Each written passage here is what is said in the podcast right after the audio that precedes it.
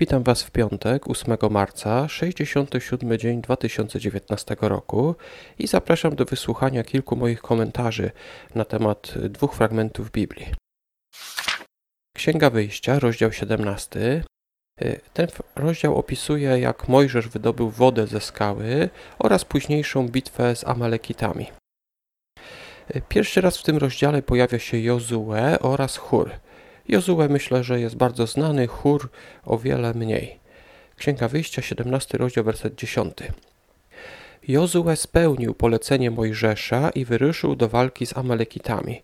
Mojżesz, Aaron i Chór wyszli na szczyt góry. Tak więc pierwszy raz pojawia się tutaj Jozue i pojawia się jako ten, kogo Mojżesz wybrał, aby kierował armią Izraelitów, którzy mieli walczyć z Amalekitami a, a na górę wszedł razem z Mojżeszem, wszedł Aaron i Hur. E, kim jednak był Hur? Zobaczmy, że z Mojżeszem na górę wszedł Aaron, czyli brat Mojżesza i właśnie nieznany nam Hur, nie wiadomo kim on jest.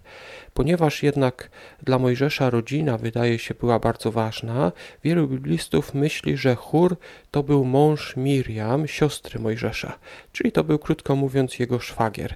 Tak więc Mojżesz ze swoim bratem i ze swoim szwagrem weszli na szczyt góry, gdzie patrzyli jak Jozue walczył z jak Jozue walczył z Amalekitami. Co się stało później z chórem? Później Biblia już nic o nim nie mówi. Kiedy siostra Mojżesza Miriam się zbuntowała i została porażona trądem, prawdopodobnie była wtedy wdową i prawdopodobnie ten mąż chór już wtedy nie żył i dlatego więcej Biblia o nim nie mówi. Ale to oczywiście są tylko przypuszczenia.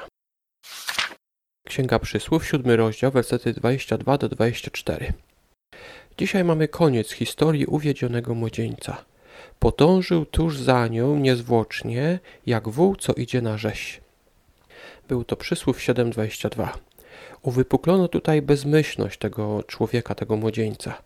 Zdrowy rozsądek w takich sytuacjach, kiedy może uczucie czy nasze serce bierze górę, zdrowy rozsądek może być naszą najlepszą bronią.